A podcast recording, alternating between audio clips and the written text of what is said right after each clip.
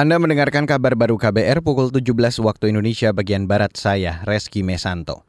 Saudara Presiden Joko Widodo memerintahkan seluruh kepala daerah menggunakan anggaran pendapatan dan belanja daerah atau APBD untuk menahan laju inflasi akibat kenaikan harga BBM.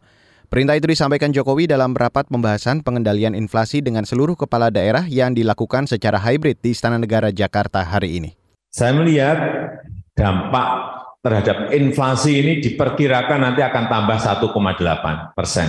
Dan ini yang kita tidak mau. Oleh sebab itu saya minta pada gubernur, bupati, wali kota agar daerah bersama-sama dengan pusat bekerja bersama-sama seperti saat kita bekerja secara serentak dalam mengatasi COVID. Saya yakin insya Allah ini bisa kita lakukan sehingga inflasi di tahun ini kita harapkan bisa dikendalikan di bawah 5. Presiden Jokowi menyebut Menteri Keuangan dan Menteri Dalam Negeri sudah mengeluarkan surat edaran untuk mengalokasikan APBD agar dapat menahan laju inflasi. Surat edaran itu juga mengatur 2% persen dari dana transfer umum bisa digunakan untuk bantuan sosial.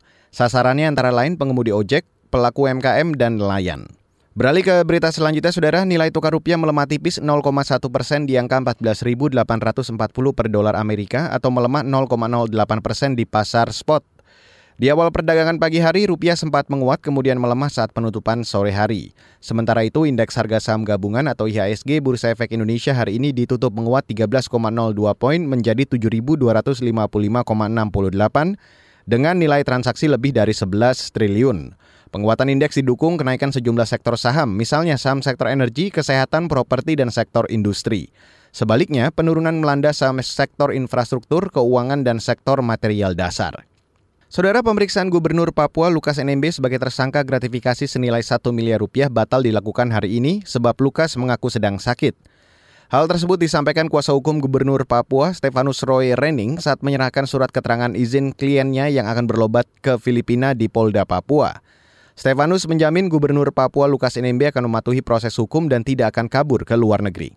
Pak Gubernur itu dinyatakan sebagai tersangka untuk kasus gratifikasi. Seolah-olah Bapak itu menerima uang transfer satu miliar. Padahal menurut Pak Gubernur itu uang saya yang saya minta ditransfer karena waktu itu Bapak butuh karena Bapak sedang berobat. Kejadiannya tahun 2020 lah. Stefanus Roy Renning menyebut Gubernur Papua Lukas NMB seharusnya diperiksa penyidik KPK hari ini di Makobrimo Polda Papua namun ditunda karena sakit. Pemeriksaan dilakukan setelah Komisi Pemberantasan Korupsi atau KPK menetapkan Gubernur Papua Lukas NMB sebagai tersangka dugaan gratifikasi senilai 1 miliar rupiah. Namun Stefanus tak menjelaskan detail tuduhan yang disangkakan KPK ke Lukas NMB.